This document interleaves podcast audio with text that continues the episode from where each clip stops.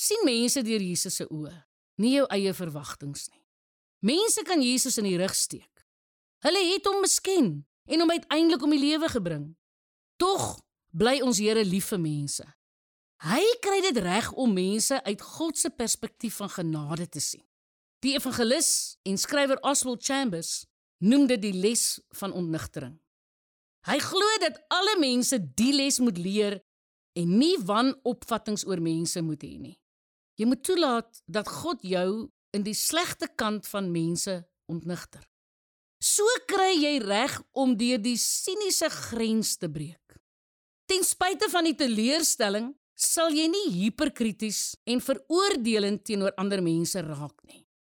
Jy sal ander deur die oë van Christus sien soos hulle regtig is.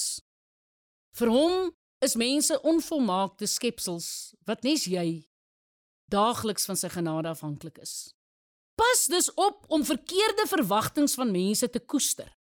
Dis soos om te dink iemand kan volmaak wees of daardie spesiale een kan aan al jou behoeftes voorsien. So 'n benadering is nie net onrealisties nie. Dit veroorsaak ook soms diep pyn in jou eie lewe. In Getsemane kon Jesus se beste vriende nie eens in kort rukkie saam met hom wakker bly nie.